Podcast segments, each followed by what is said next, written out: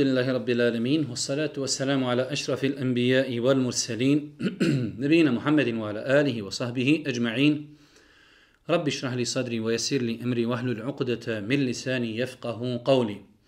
تويست سفاكا زمالا بريبالا أزويشم الله سبحانه وتعالى Salavat mir i selam na Allahu poslanika, Allahu minenika Muhammeda, alaihi يقول wasalam, njegovu časnu porodcu, njegovu uzor te ashabe i sve ljude koji slijede put istine do sudnjega dana.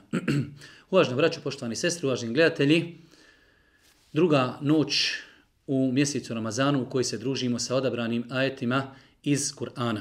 Mi smo juče spomenuli i nagovijestili da ćemo ako Bog da truditi se da svake večeri imamo jedno predavanje gdje ćemo komentarisati i družiti se sa nekoliko kuranskih ajeta koje odabirimo iz džuza koji odgovara danu u kojim se mi nalazimo u Ramazanu. Pa smo jučer odabrali nekoliko ajeta koji smo probrali iz prvog džuza u Kur'anu, jer smo rekli da Kur'an ima 30 džuzeva, a mjesec Ramazan ima 29 ili 30 dana, pa ćemo se truditi ako Bog da da svake večeri iz džuza koji odgovara danu Ramazana proberimo nekoliko ajeta i da ih jednostavno malo analiziramo.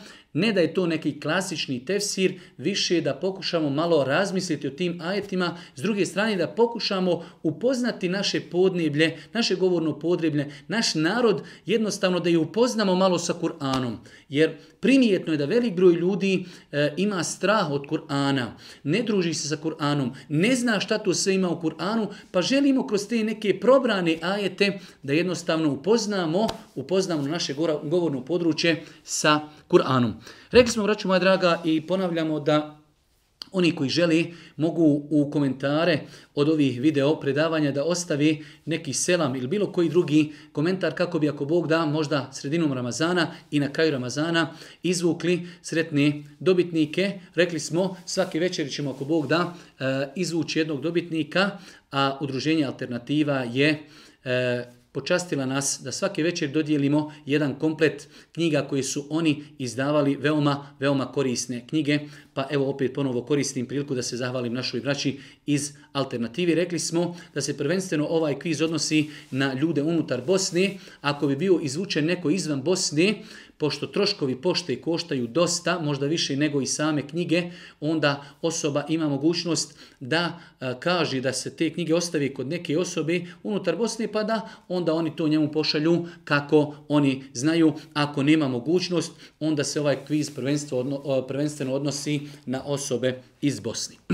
Mi se večera se odružimo sa drugim džuzem Kur'ana. E, rekli smo juče da Prvi džuz i drugi džuz i treći džuz, polovina trećeg džuza je sura El Beqara 49 stranica u Kur'anu.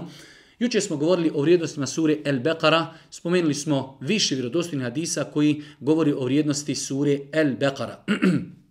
Večeras, ako Bog da, e, počinjemo e, opet sa nekim standardnim savjetima da e, učenje Kur'ana treba da bude na način da čovjek lagano iščitava Kur'an, da ne žuri, da se postavi u, u situaciju i na način iščitava Kur'an, da se svaki ajet njemu obraća, da analizira svoj život, da studira svoj život, da se odgaja kuranskim ajetima, da se preispituje koliko čovjek praktikuje ono što je naučio i tako dalje. Tako bi trebali da pristupamo izučavanju i studiranju Kur'ana. Rekli smo da je lijepo i pohvalno da minimalno jednom u toku mjeseca proučimo cijeli Kur'an, a to možemo postići tako što ćemo svakim danom, ako Bog da, čitati minimalno 20 stranica Kur'ana. Oni koji znaju arapski, lijepo je da čitaju arapski, nakon arapskog ga pročitaju i e, prijevod značenja kako bi razumjeli ono što su učili, oni koji ne znaju e, čitati e, arapski, onda samo da čitaju prijevod Kur'ana i nadamo se ako Bog da će i zbog toga biti nagrađeni kod uzvišnog Allaha subhanahu wa ta'ala. 152. ajet i 153. ajet u suri El Beqara kaže uzvišeni Allah فَذْكُرُونِي أَذْكُرْكُمْ وَشْكُرُوا لِي وَلَا تَكْفُرُونَ يَا أَيُّ الَّذِينَ آمَنُوا اسْتَعِينُوا بِالصَّبْرِ وَالصَّلَاةِ إِنَّ اللَّهَ مَعَ الصَّابِرِينَ Sjećajte se vi mene. Uzvišeni Allah kaže svojim robovima, sjećajte se, o moji robovi, vi mene. Pa ću se i ja sjećati vas. I zahvaljujte mi i na blagodatima mojim nemojte nezahvalni biti. O vjernici, tražite sebi pomoć u strpljenju i obavljanju namaza, Allah je doista na strani strpljivih. Vidjet ćemo, i mi smo o tome juče govorili, ali evo i danas, Kur'an tretira različite teme. Jednostavno, u jednom ajetu se govori o nečemu, već sljedeći ajet obrađuje i tretira različite teme. Određene teme se tretiraju na desetinama mjesta u Kur'anu i takva pojava ukazuje na bitnost te temi. Ako imamo nešto da se tretira u Kur'anu na desetine puta, to apsolutno ukazuje da je to nešto bitno. Jedna od tih stvari jeste i namaz. Pa uzvišenje Allah subhanahu wa ta'ala na mnogo mjesta u Kur'anu spominje namaz. U ovom ajetu kaže uzvišeni Allah, sjećajte se vi mene i ja ću se vas sjetiti. Jedni učenjaci kažu da se ovdje konkretno misli, sjećajte se vi Allaha, znajte za Allaha. Spominjite ga zikrom, veličanjem, la ilaha illallah, subhanallah, alhamdulillah, pa će i vas Allah spominjati. A opet drugi učenjaci od kojih je i imam At-Taberi, on kaže da ovaj kuranski ajet znači, da Allah Žešan kaže, o robovi moji, sjećajte se vi mene pokornošću. Budite vi meni pokorni i na taj način se sjećajte mene. Jer insan koji klanja, sjeća se Allaha. Onaj ko posti, on se sjeća Allaha. Onaj ko uči Kur'an, on se sjeća Allaha i tako dalje. Pa ovaj ajet znači, po mišljenju određenih mufesira, sjećajte se vi Allaha. Tako što ste pokorni, Allah će se sjećati vas oprostom i sjećat će se, sjećat će se vas nagradom. Kaže, nakon toga uzvišeni Allah, Voškuru li wala tekfurun i budite zahvalni, nemojte biti nezahvalni. Vidjet ćete kroz Kur'an na mnogo mjesta uzvišenja Allah subhanahu wa ta'ala spominje zahvalnost i to ukazuje na bitnu zahvalnosti. Lično smatram, lično smatram iz svog nekog životnog iskustva da je ključ sreće i na Dunjaluku zahvalnost Allahu. Da čovjek živi u hladovini zahvalnosti Allahu Đelešanu. Šta god da ima, da zahvaljuje Allahu. Zdrav, elhamdulillah. Ima auto, ima auto, elhamdulillah.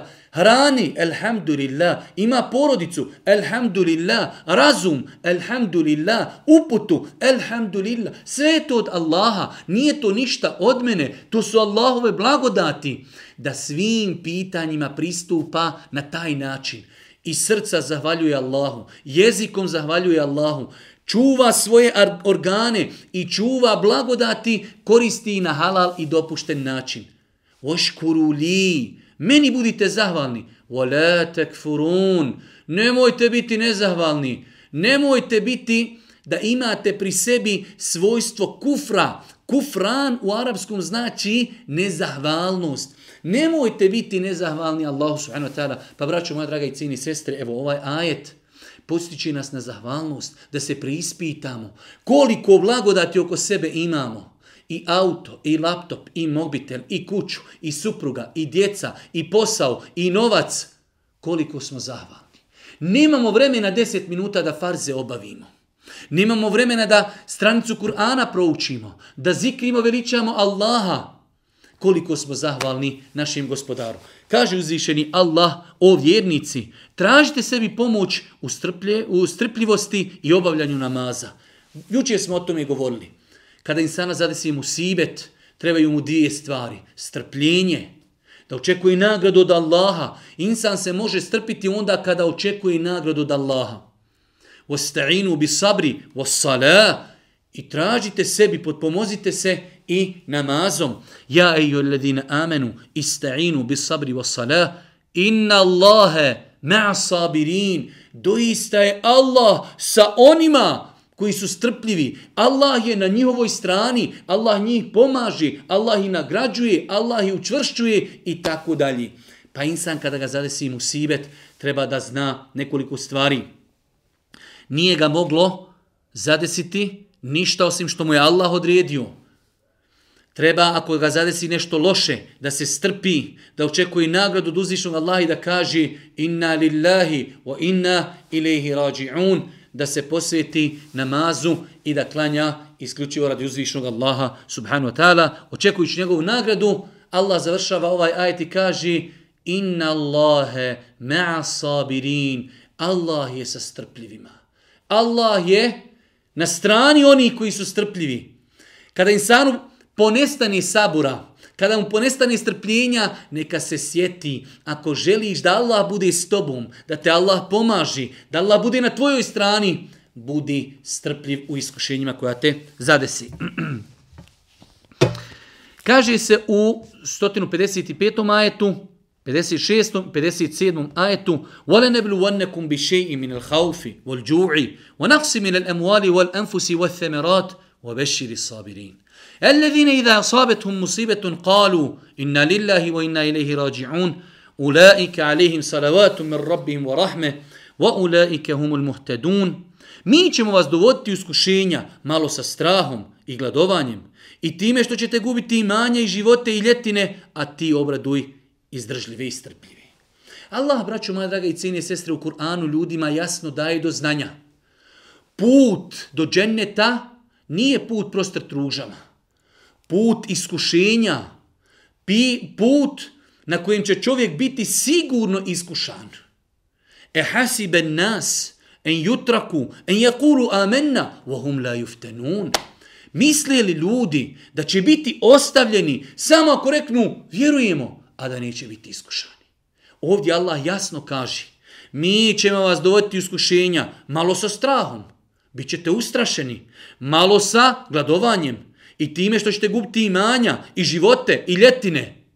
Sve su to različiti načini kako će Allah iskušavati ljude. Strah, ratovi, izgubio i metak, izgubio život, otišla ljetina, mnogo toga, a ti obradu istrpljivi.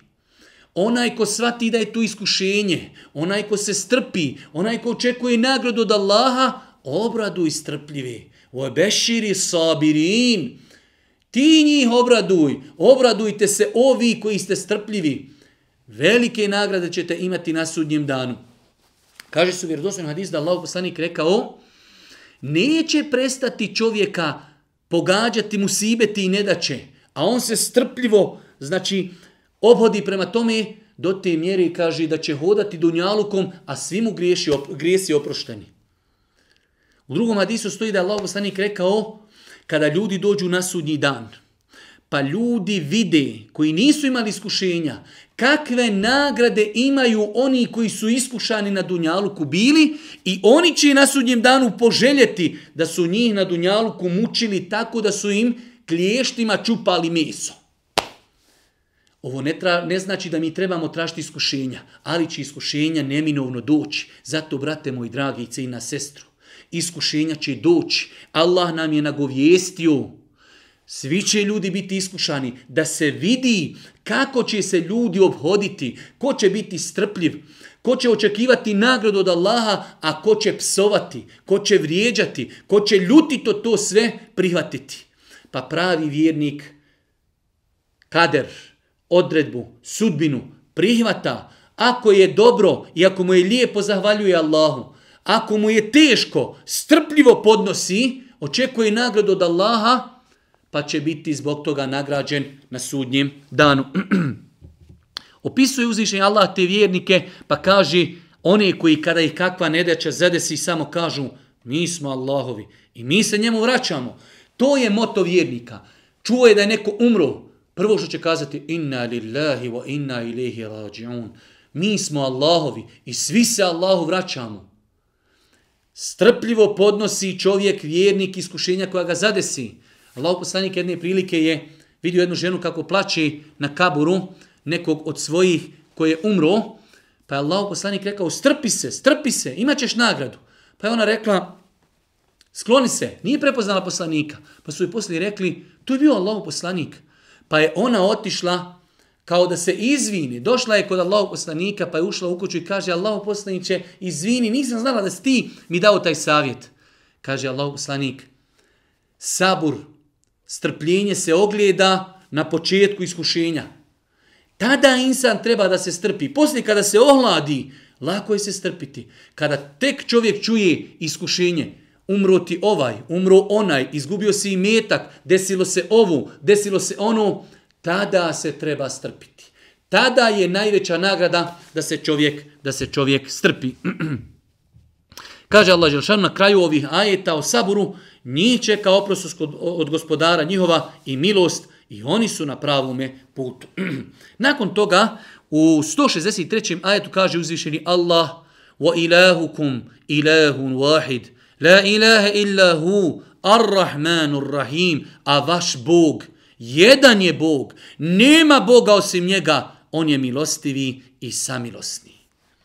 Nema drugog Boga. Ovo je jedna velika formula. Poslanici svi poslanici slati su samo s jednim pitanjem. Da ljudima pojasni da nema Boga osim Allaha. Ljudi bi padali u grijehe, ljudi bi počeli robovati kipovima ili životinjama ili ili nečemu drugom, pa bi Allah slao poslanike da ih pozovu La ilaha illa Allah, nema Boga osim Allaha, ne može se nikome robovati osim Allahu. Braćo moja draga i cijene sestre, ovo je najskuplja informacija na svijetu. La ilaha illa Allah, nema Boga osim Allaha. Moramo naučiti značenje ovih riječi. Ulema je pisala tomove knjiga komentarišući riječi la ilaha illallah. Šta znači nema Boga osim Allaha? Nema Boga koji zaslužuje zbog svoje veličine i uzvišenosti da mu mi ibade činimo osim Allah. Kakvo obožavanje krava, kakvi kipovi, kakvo trojstvo, kakav Isa alihi selam. Isa alihi selam je samo Allahov poslanik, Allahov rob, imao je sve dunjalučke potrebe kao i mi, jeo je i pio je, kao što to i mi radimo. Allahov rob i Allahov poslanik. Nije imao nikakve božansk, nikakva božanska svojstva. To što je mogao izliječiti bolesnog ili oživiti mrtvog, samo uz Allahovu dozvolu i Allahovo dopuštenje. Svi drugi poslanici su imali nešto što se zove muđiza, nadnaravno djelo, zbog kojeg bi ljudi prihvatili ono čemu ih poziva. Pa je Isa alihi salatu wasalam mogao oživjeti čovjeka ili ozdraviti čovjeka, ali samo Allahovom dozvolom i nije bio ništa drugo osim Allahov rob i Allahov poslanik. La ilaha illa Allah, nema Boga osim Allaha. Kaže, wa ilahukum ilahun wahid, a vaš Bog, jedan je Bog, samo je jedan Bog, Allah, nema Boga osim njega, a on je Ar-Rahman, Ar-Rahim, milostivi i samilosni.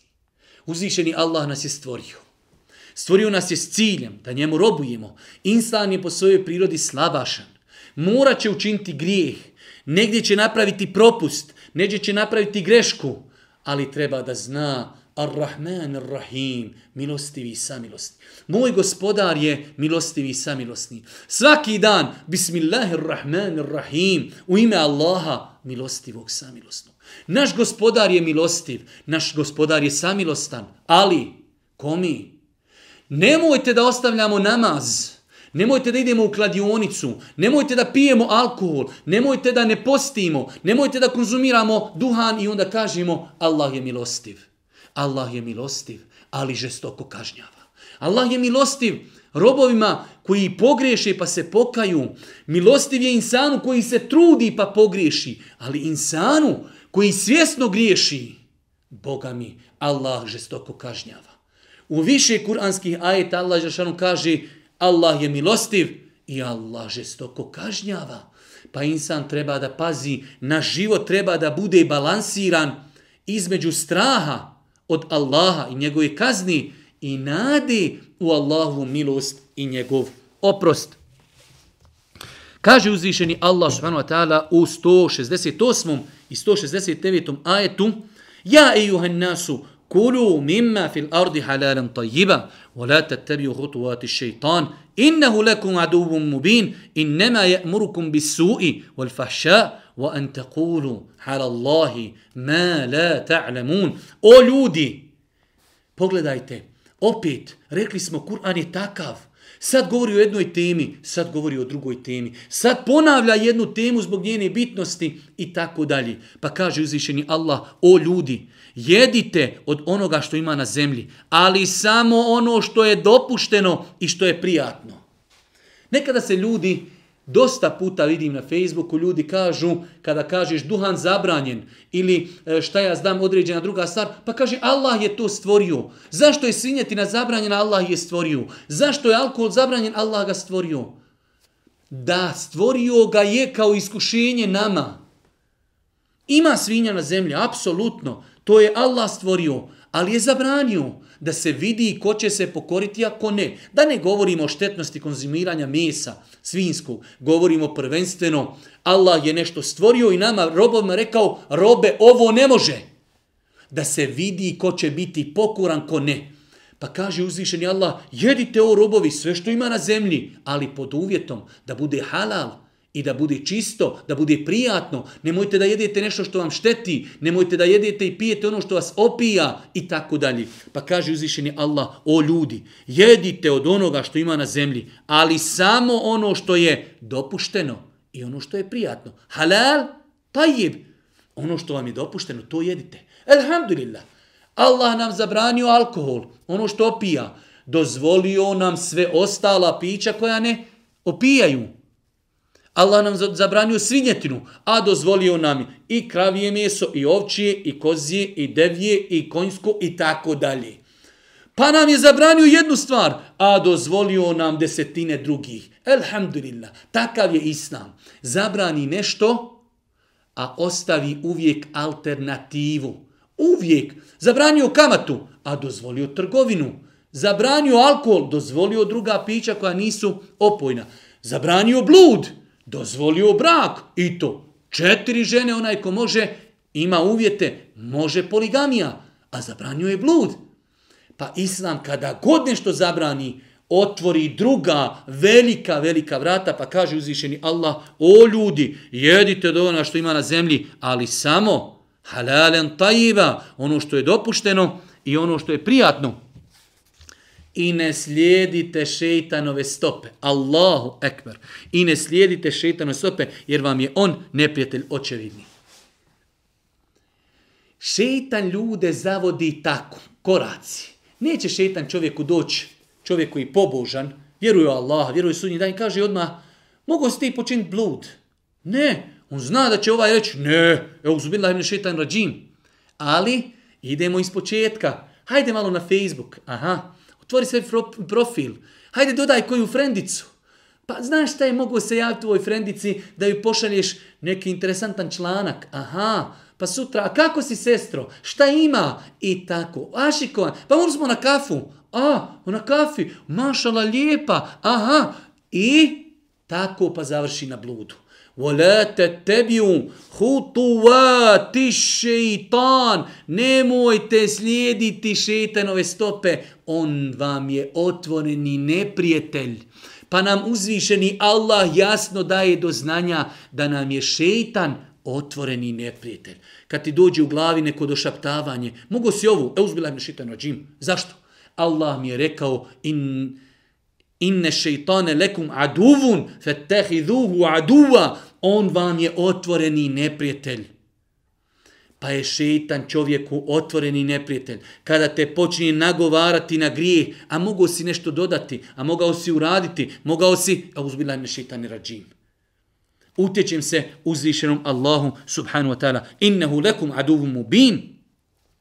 Innema ya'murukum bisu'i wal-fahsha wa an taqulu 'ala Allahi ma la ta'lamun. On nas navraća na grijeh. To je jedna metoda. On vas razra, navraća na razrat i on nas navraća da govorite o Allahu ono što ne znate. Nažalost, živimo u vremenu velikog neznanja. I evo ja kroz ovaj rad sa društvenim mrežama, vidite ljude, napišeš propis, čovjek koji njegova struka je daleko od vjeri, kaže ja to nikad čuo nisam. Kao ono ja sve znam, otkud sad ovaj propis ja ga nikad nisam čuo. I onda počnu ljudi tumačiti. E nije to ispravno, to je nova vjera i tako dalje. وَأَنْ تَقُولُوا عَلَى اللَّهِ مَا لَا تَعْلَمُونَ I da govorite o Allahu, o sunnetu, o Kur'anu, o propisima, ono što ne znate. Jedan od najvećih grijeha u islamu. Zapamtite dobro, braćo moja draga i cijene sestre. Jedan od najvećih grijeha u islamu. Pričati o vjeri ono što ne znamo. Zapamtite, inne sem'a, wal basar, wal fuad, kullu ulaike kananhu mes'ula, i oči, i jezik, i sluh, vid, srce, sve, za sve ćemo biti pitani. Čuvajte se da o vjeri govorite nešto što ne znate ili nešto što površinski znate. Pa je jedna velika boljka ovog vremena da ljudi imaju društvene mreže na kojima iznose svoje stavove o vjeri, ali njegovi stavovi su ja mislim, ovo nije po mom mišljenju, ja se ne slažim, ja ovo ne prihvatam, ovo moj razum ne može dokučiti i tako dalje. Pa se čuvajte, Allah vas nagradio ovih stvari. Kaže se u 172. ajetu i 173. ajetu suri El-Beqara, Ja ejuha alladhina amanu kulu min tayyibati ma razaqnakum washkuru lillahi in kuntum iyyahu ta'budun inma harrama alaykumul maytata wad-dama ولحم الخنزير وما أهل لغير وما أهل به لغير الله فمن اضطر غير باغ ولا عاد فلا إثم عليه إن الله غفور رحيم Opet Allah Žešanu nastavlja i govori o stvarima koji se vezuju za izranu, pa kaže, o vjernici, jedite ukusna, jedite ukusna jela koja smo mi podarili. I budite Allahu zahvalni, ta vi se samo njemu klanjate ili ako se vi samo njemu klanjate ili ako Allahu robujete. Allah Žešanu kaže, o vjernici, jedite ukusna zdrava i jedite halal jela. Vaškuru lillah, ali Allahu budite zahvalni ako njemu robujete, ako ste pravi vjernici. Nakon toga kaže uzvišeni Allah, on vam jedino zabranjuje strv. Nama je zabranjeno lešina. Ono što nije zaklano na ispravan šerijetski način, muslimanima je zabranjeno kaže on vam zabranjuje strv i krv i svinsko meso i ono što je zaklano neće drugo ime, a ne u ime Allaha. A onome ko bude primoran, ali ne i želji, tek toliko da glad utoli, njemu grijeh nije, Allah zaista prašta je Allah Žešanu ovdje navodi da je zabranio ljudima strv, krv, svinsko meso i ono što je zaklano u nečije ime mimo Allaha. Čovjek zaklao kurban kipovima, zaklao kurban mejitu, zaklao kurban šeitanu, sve to haram jesti. Nakon toga kaže Allah Đelešanuhu, a onome ko bude primoran, a ne i želji, toliko da utoli glad, njemu nije grijeh. Islam je postavio velike principe, ovo je haram. Ali da čovjeku dođe potreba, umire od gladi, a ima samo svinjetinu, umire od žeđa, a ima samo alkohola, uzet će onoliko koliko će spasiti svoj život. I nije griješan. I nije griješan jer Islam stavlja čovjekov život iznad svega toga.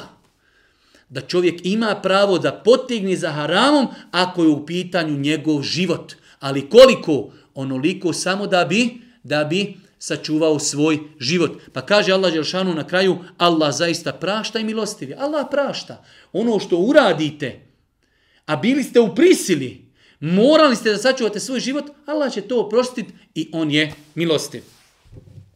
U 183. ajetu i četvrtom i petom i šestom Allah Žešanu govori o ajetima koji govori o postu.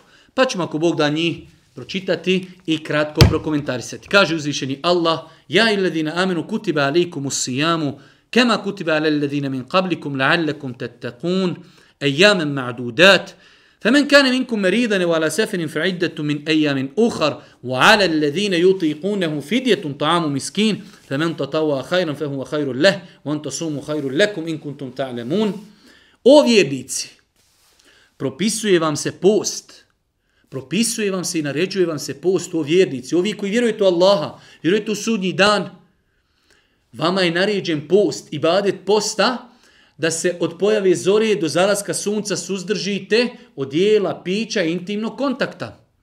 To je post, definicija posta. Ono što je nama naređeno jeste da čovjek se suzdrži od pojave zore do zalaska sunca od svega što kvari post. A glavne su stvari jeste jelo, piće i intimni kontakt. O vjernici, naređuje vam se, propisuje vam se post. Onima među vama koji su punoljetni, i koji nisu putnici i koji nisu bolesni, naređuje se da posti o vjernici. Propisuje vam se post, kao što je bio propisan i onima prije vas. La'allakum tattaqun. Da biste bili bogobojazni, da bi se bogobojaznost vaša povećala, da biste se sačuvali, da biste se sačuvali kazni. Kaže uzvišeni Allah, ejamen ma'dudat, i to neznatan broj dana. Pogledajte Allahove milosti. Naređuje nam Allah Žešan da klanjamo. U toku dana pet namaza, imamo 24 sata u toku dana i noći. Pet namaza možemo klanjati za sat vremena. 23 sata, o robe, eto ih tebi. A jedan sat za gospodara. Je li teško? 12 mjeseci u godini. Allahov robe, jedan mjesec ti naređujemo post.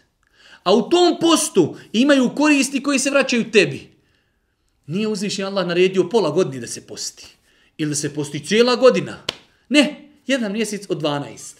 11 mjeseci, o Allahov robe, jedi u toku dana kad god hoćeš, ono što je halal i dozvoljeno. Jedan mjesec, zbog tvoje koristi i zbog tvog organizma, ostavi jelo, piće, intimni kontakt od pojave zori do zalaska sunca. Zađi sunce, iftari se i opet cijelu noć možeš jesti, piti, imati kontakt, intimni kontakt sa suprugom, opet pojava zori, postimo sljedeći dan. Pa kaže uzvišeni Allah, i to neznatan broj dana. Nemoj da se strašite o robovi i da se plašite. Od 12 mjeseci, jedan je mjesec naređeno da postite. A onome od vas, ko bude bolestan ili na putu, isti broj drugih dana. Onaj ko je bio bolestan ili je putovao putovanjem daljim od 80 km. Halal putovanje, čovjek ima pravo na putovanju da ne posti. Pa i u današnje vrijeme kada se putuje avionima, putuje se autom, ako čovjek putuje više od 80 km, može da ne posti. Ako nije postio, kada završi Ramazan, on će to napostiti. Onaj, kaže, koji je bolestan ili je bio putnik, nije postio neke dane, on će to napostiti nakon Ramazana. Onoma, onima koji ga jedva podnosi, otkup je da jednog siromaha nahrani. Imamo kategorije ljudi u islamu stari i iznemogli. Imamo dojilje, imamo trudnice, imamo bolesnike. Pa se mogu ti ljudi podijeliti u dvije kategorije. Imamo kategoriju ljudi čiji razlozi zašto ne postoje su trajni, kao stara osoba. Čovjek ostario, on neće nikada više biti mlad. Takav insan ne može postiti. Teško mu pada post, njemu kažemo za svaki dan kojeg nisi postio, nakon Ramazana, na rani jednog siromaha. A kad su u pitanju bolesnici, imamo bolesnici koji su trajno bolesni i bolesnici koji su privremeno bolesni.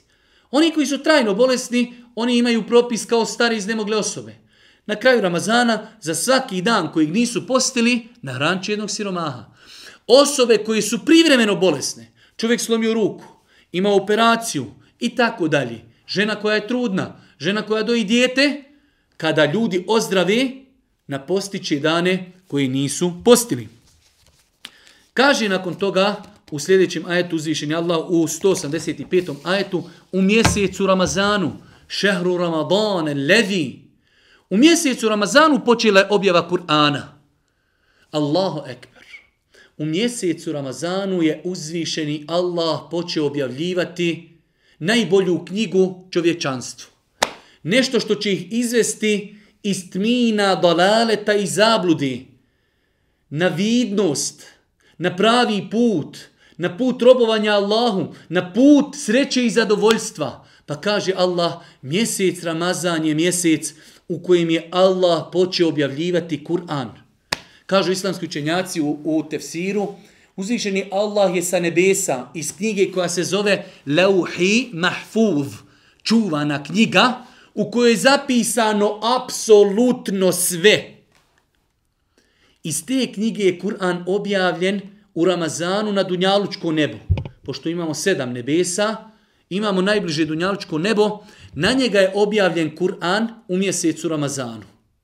Nakon toga, tokom 23 godine, Džibril alaihi selam, shodno vremenu, shodno potrebi, shodno prostoru, objavljivao je po naređenju uzvišnog Allaha određene ajete poslaniku, dok se Kur'an nije kompletirao i sa nebeskih, e, sa dunjalučkog neba spustio kompletan na dunjaluk. Pa Allah kaže ljudima, mjesec, u mjesecu Ramazanu počela objava Kur'ana. koji je putokaz ljudima i jasan dokaz pravog puta i razlikovan dobra od zla. Šta je, kaže Kur'an? Putokaz ljudima. ja sam dokaz pravog puta i razlikovanja dobra od zla.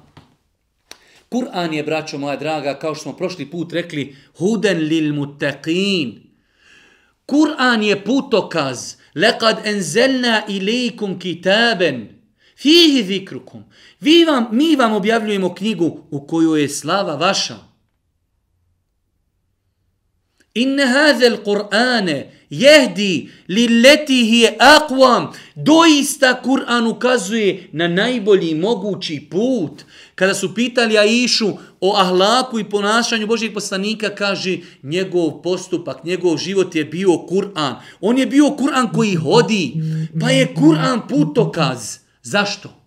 Jer ga je objavio uzvišeni Allah, stvoritelj zemlje i nebesa, da bi nama pojasnio kako i na koji način da živimo, kako da robujemo Allahu, kako da mu ibadete činimo, Pojasnio nam je šta nam koristi, a šta nam šteti, šta nam je dobro, šta nam je zlo. Zato je čudo kako ljudi su se odaljili od Kur'ana, kako su zapadnjaci zlonamjerno ljude odva, odvratili od Kur'ana. Nema sreći, nema zadovoljstva, nema uspjeha, nema prosperiteta bez Kur'ana. Kaže Allah poslanik, inna Allahe jarufa'u bi hazel kitabi akvamen, wa jada'u bi il aharin, Allah ovom knjigom jedan narod uzvisuje, a drugi, a drugi ponizuje.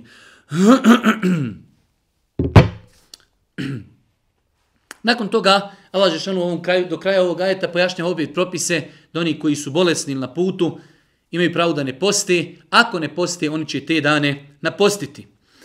Nakon toga, kaže se u sljedećem ajetu وَإِذَا سَأَلَكَ عِبَادِ عَنِّي A kada te robovi moji za mene upitaju, o Muhammede, uzvišeni Allah mu kaže, kada te robovi moji, o Muhammede, o meni upitaju, inni qarib, ja sam blizu, uđibu da'wate da'i iza da'an, ja sam blizu, odazivam se dovama onima koji me dovi. Allahu akbar.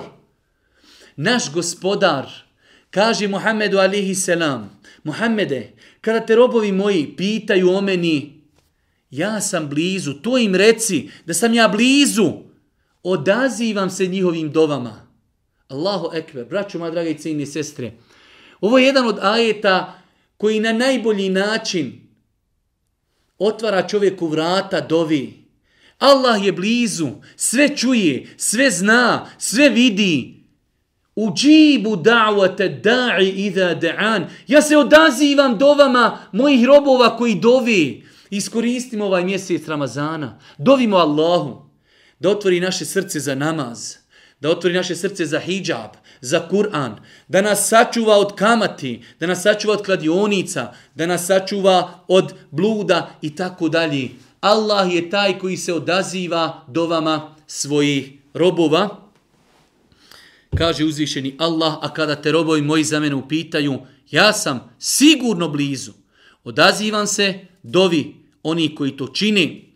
Zato neka oni mene pozovu, neka oni pozivu mome u dovolje i neka vjeruju u mene da bi bili na pravom putu. Neka se oni odazovu Allahu i onome što on od njih traži, fel jeste džibu li. Neka mi se odazovu onome što sam im naredio.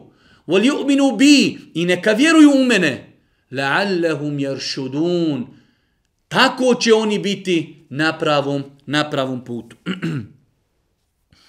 Nakon toga, 201. i 202. ajet Kaže uzvišeni Allah subhanahu wa ta'ala wa minhum men yaqulu rabbana atina fid dunya hasana wa fil akhirati hasana wa qina adhaban nar ulaika lahum nasibun ma kasabu wallahu sariul hisab. A ima i onih koji govore Allah dželle govori o različitim vrstama ljudi o vjernicima pa kaže ima ljudi koji govori gospodaru naš podari nam dobro i na ovom i na onom svijetu i sačuvaj nas patnje u džehennemu. Pogledajte, braćo moje draga i cini sestre, kako islam savršen i potpun. Nije islam samo sjedi u džamiji, samo uči Kur'an, samo zikri. Ne. Rabbena, atina fi dunija hasene. Ja, Rab, daj nam na dunjaluku dobro. Daj nam na faku. Daj nam porod. Daj nam zdravlje. Daj nam čednost. Daj nam, daj nam dobro dunjaluka. Znači, Islam ne osporava čovjeku uživanje na dunjaluku. Samo da to bude stečeno na halal način i da nas to ne odvrati od Allaha. Ovo zapamtite.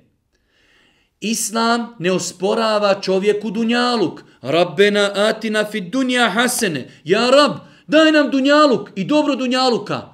Samo na halal način i da nas ne odvrati od Allaha. Nemoj da ostavimo namaz, nemoj da postimo, nemoj da idemo u kladionicu. Samo te dvije stvari. A ima onih koji govori gospodaru naš, podar nam dobro i, o, i na ovom i na budućem svijetu i sačuvaj nas patnje u džehennemu. Njih čeka nagrada koju su zaslužili, a Allah brzo siđa račune. Nakon toga kaže uzvišeni Allah u 208. ajetu suri El Beqara Ja ejuha alladhina amanu dhulu fisil mi kafe wa la tattabi'u khutuwati shaytan innahu lakum aduwwun mubin O vjernici potpuno potpuno u islam uđite. Ima prijevod kod nas, o vjernici, živite svi u miru i ne idite s šetanovim stopama, on vam je zaista neprijatelj otvoreni. Ali po jednom drugom tefsiru, jeledina amenu udhulu fi silmi kafe, o vjernici, u islam potpuno uđite i nemojte slijeti šetanove stope. Doista vam je on neprijatelj otvoreni. Pogledajte, opet Allah, upozorava svoje vjernike, nemojte slijediti šeitanove stope, uđite u islam potpuno. Nažalost, mi živimo u vremenu kada ljudi kažu, e, od islama ćemo uzeti ovo, ovo nije za Evropu, ovo ne odgovara za 21. stoljeće, ovo nije za Bosnu, ima turski islam, bosanski islam, arapski islam, ne. Uduhulu fi silmi kafe, uđite u islam potpuno. Ono što je naređeno, činite. Ono što je zabranjeno, ostavite. Potpuno se pokušajte pokoriti. Nemoj da budete kao narodi prije nas. Uzimamo ono što nam odgovara, ono što naše duše ne mogu, e to nećemo. Nama se konzumira droga, meni duhan odgovara, ja ne mogu alkohol ostaviti, mene privlači kladionica. Tada mi se nismo pokorili. Musliman znači pokoran, islam znači pokornost. Ako sam musliman, onda ću se pokoriti, onda ću ukrotiti svoje strasti. Udhulu, fisilmi, kafe, uđite u islam potpuno, Allahu se potpuno pokorite. Ono što je naređeno, činite što više, koliko možete. Ono što je naređeno, potpuno ostavite i nemojte slijediti šeitanove stope, doista vam je on neprijatelj potpuni. Kaže uzvišenje Allah subhanahu wa u 214. ajetu, opet ona velika teza, kaže Em hasibtum en tedkulu l'đenne, ولما يأتكم مثل الذين خلوا من قبلكم مستهم البأساء والضراء وزلزلوا حتى يقول الرسول والذين آمنوا معه متى نصر الله ألا إن نصر الله قريب Zar vi mislite da ćete ući u džennet, a još niste iskušani i niste iskusili ono što su iskusili oni koji su bili prije vas i nestali su? Zar mislite da ćete ući u džennet tako jeftino, da niste imali iskušenja, da niste imali izazove, da niste imali musibeta, da nije trebalo sabura, treba klanjat, treba zekjat, treba postit, treba se oduprijeti grijesima. Zar mislite da ćete tako lako ući u džennet? Ne, ne, ne, ne, ne. Nisu satirale na imaštine i bolesti, toliko su bili uznemiravani da bi i poslanik i oni koji su sa njim vjerovali uzviknuli kada će već jednom Allahova pomoć i pobjeda.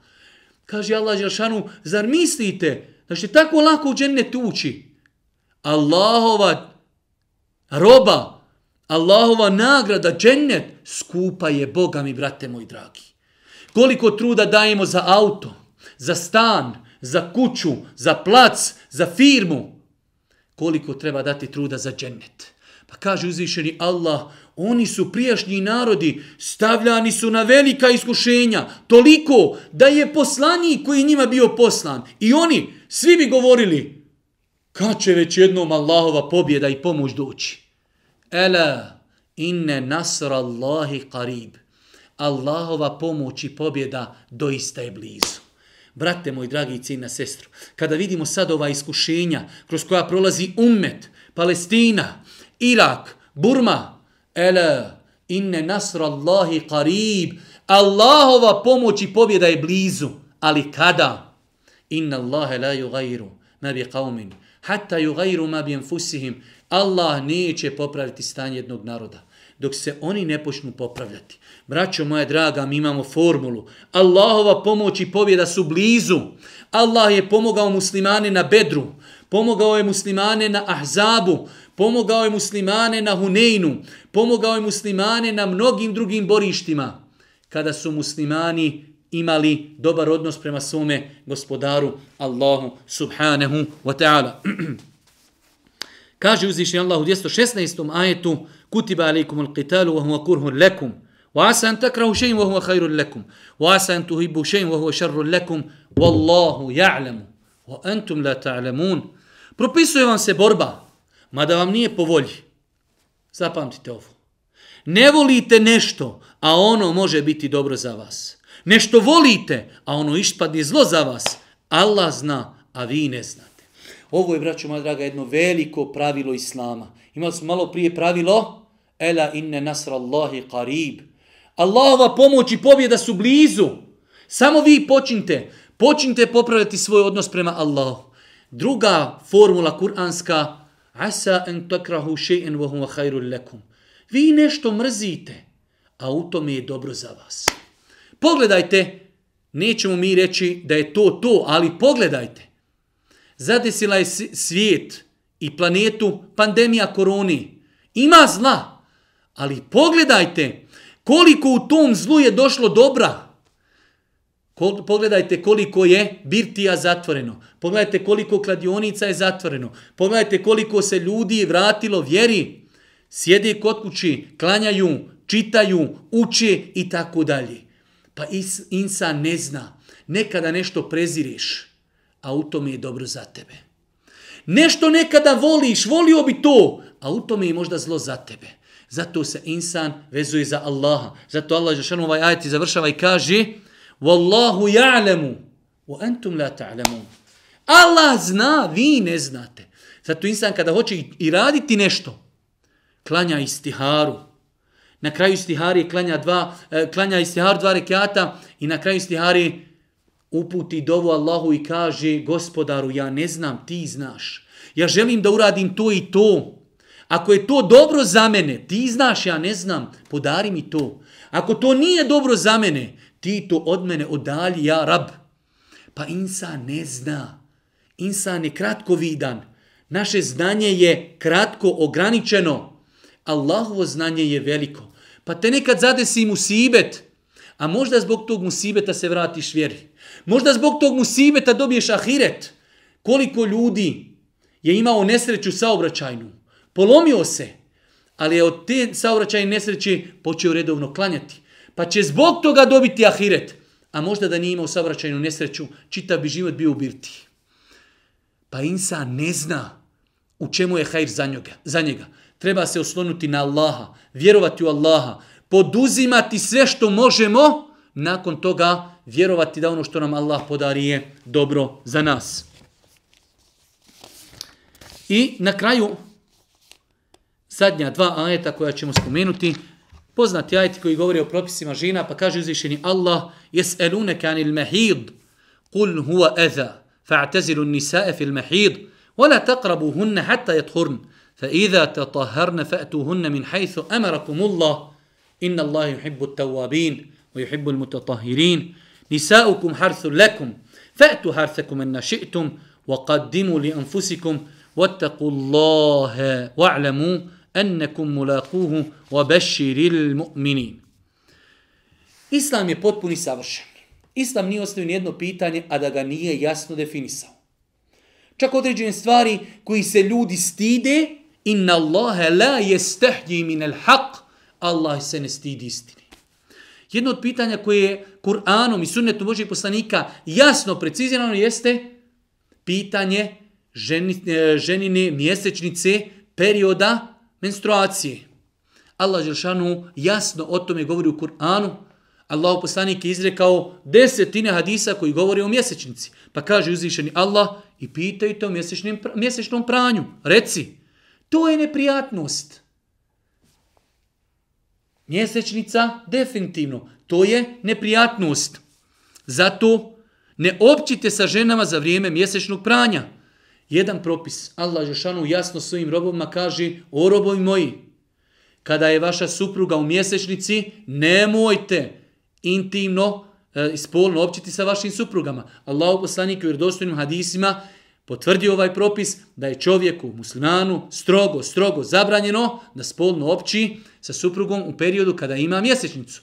Čak postoje hadisi da čovjek treba da se iskupi. U pogledu tih hadisa postoji razilaženje učenjaka da određenu sadaku da ako bi uradio taj grijeh.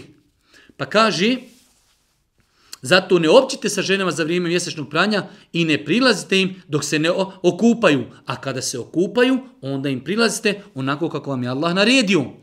Pa je uvjet da bi čovjek mogao spolno općiti sa ženom da prestane mjesečnica, da se ona okupa, samim tim ona postaje čista, pravno čista. Žena muslimanka i čovjek musliman generalno su čisti, stvarno čisti.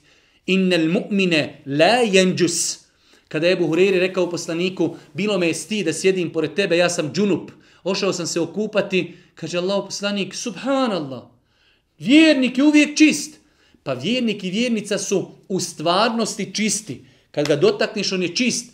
Čovjek džunup je čist. Žena u hajzu je čista, ali je pravno nečista.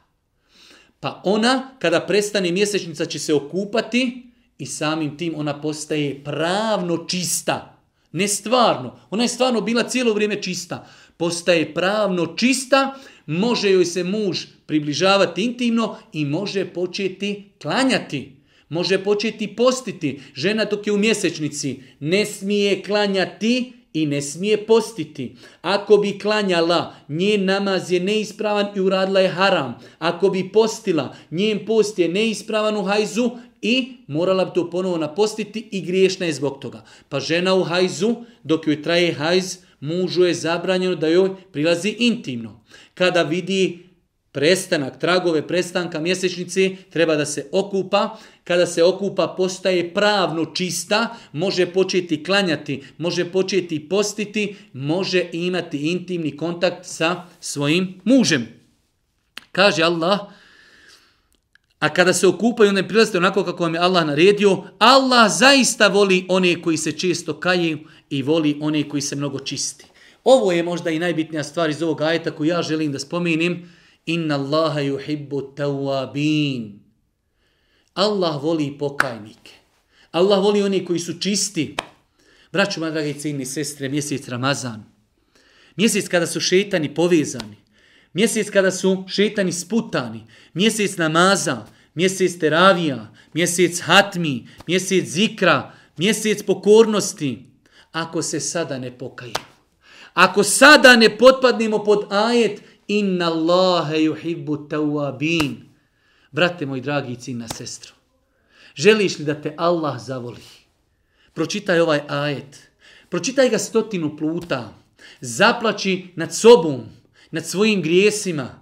Želim da me Allah voli. Inna Allahe yuhibbu tawabin.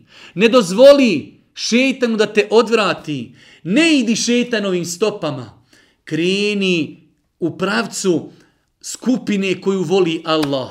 Allah voli pokajnike. Iskoristimo ovaj Ramazan. Krenimo putem pokajanja uzvišenom Allahu subhanahu wa ta'ala. Molim uzvišenog Allah subhanahu wa ta'ala na kraju ovog našeg druženja da nas uči na putu Islama. Molim ga subhanahu wa ta'ala da naša srca otvori i da se pokajemo uzvišenom Allahu za sve grije koje smo činili. Molim ga subhanahu wa ta'ala da mu bude milostiv na sudnjem danu, da nam olaša post i na kraju subhaneke اللهم بحمدك أشهد أن لا إله إلا أنت استغفرك وأتوب إليك.